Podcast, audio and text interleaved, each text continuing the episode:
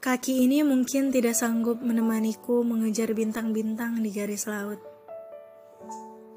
Mengutip satu persatu kenangan itu, kini menjadi sebatas angan yang kupeluk sebelum tidur. Menyendiri dan berotasi pada waktu yang terasa semakin menyempit. Ke mana lagi ruteku untuk besok? Lusa, minggu depan, dua tahun berikutnya, Bahkan untuk sekadar mengintip langit mendung, di luar jendela juga terasa semakin jauh dari jangkauan keberanianku. Sudah lama sekali dia tidak mengangkat telepon dariku. Baris-baris pesan yang coba ku titipkan di kolom chattingannya juga tidak dibaca. Apa untuk mengetahui kabarnya, kini juga harus kutanyakan pada sang pencipta.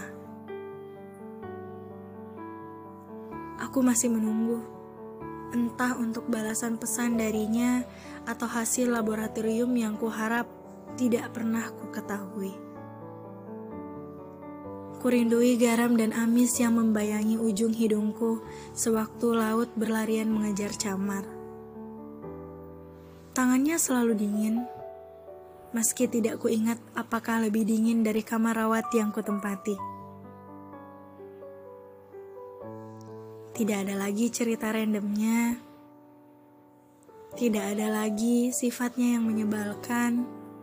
Tidak ada lagi raut ceria dan setiap hari dan setiap orang yang bertemu dengan tatapan denganku. Tidak ada lagi dia yang memaksaku untuk selalu mendengarkan cerita yang tidak masuk akalnya. Aku memudar bersama hari-hari yang kulewati di petak ruangan kosong ini. Masih menunggu kabar darinya. Masih menunggu sedikit berbelas kasih. Setelah keruntuhan dunianya dengan kabar bahwa waktuku tidak lagi tersisa lama. Aku melewatinya.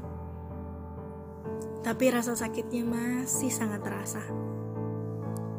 Traumanya masih ada. Walaupun aku rasa semuanya baik-baik saja, tapi kalau aku mundur untuk ke belakang, kadang aku masih menangisinya. Aku juga bersyukur atas rasa sakitnya.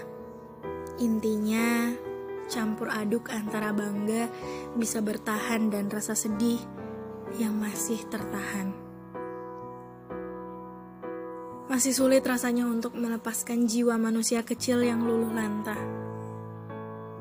Mungkin aku sudah tidak terluka seperti dahulu, tapi bekas luka yang dulu itu masih sangat ada. Hanya aku yang merasakan bagaimana rasanya. Aku juga tidak bisa membagikannya kepada orang lain. Tidak perlu aku kesulitan untuk melakukannya. Katanya, kesedihan, kesulitan, dan kekecewaan bisa dibagikan. Tapi sayangnya, aku bertemu dengan orang yang tak sepaham. Aku terjebak di antara ketakutan dan ketidakpercayaan. Aku lebih memilih untuk memendamnya daripada sekedar memohon untuk didengarkan.